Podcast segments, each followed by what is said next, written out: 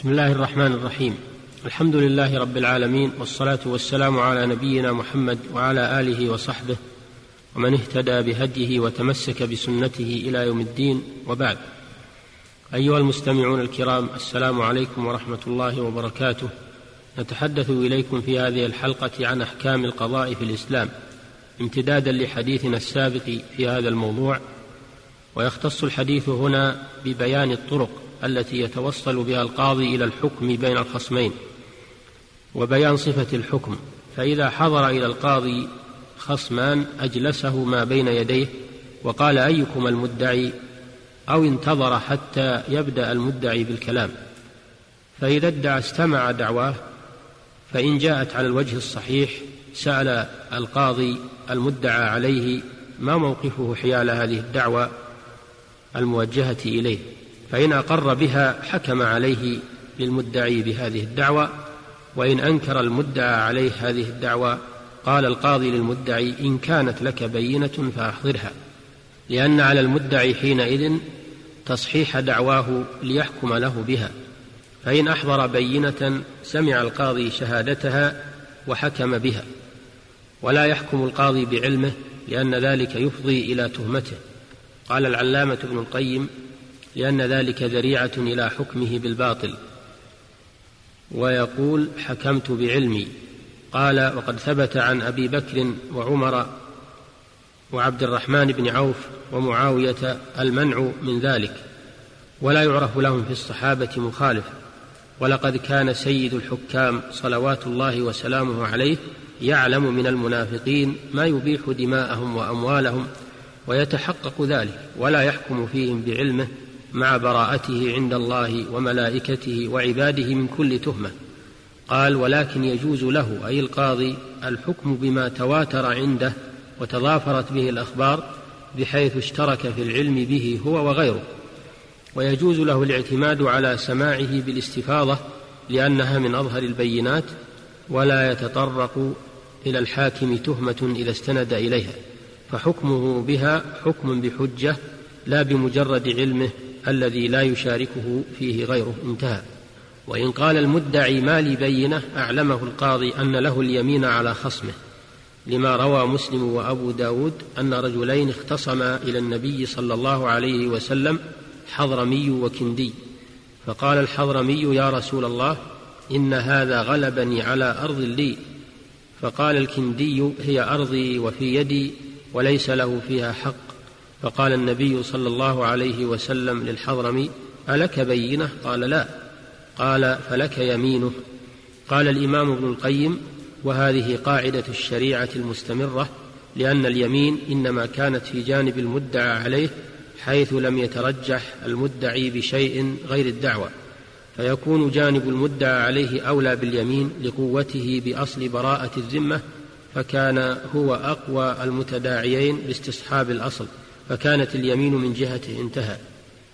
فإذا طلب المدعي تحليف المدعى عليه حلفه القاضي وخلى سبيله لأن الأصل براءة ذمته لكن يشترط لصحة يمين المدعى عليه أن تكون على صفة جوابه للمدعي وأن تكون بعد أمر الحاكم له بطلب المدعى بطلب المدعي تحليفه لأن الحق في اليمين للمدعي فلا تستوفى إلا بطلبه.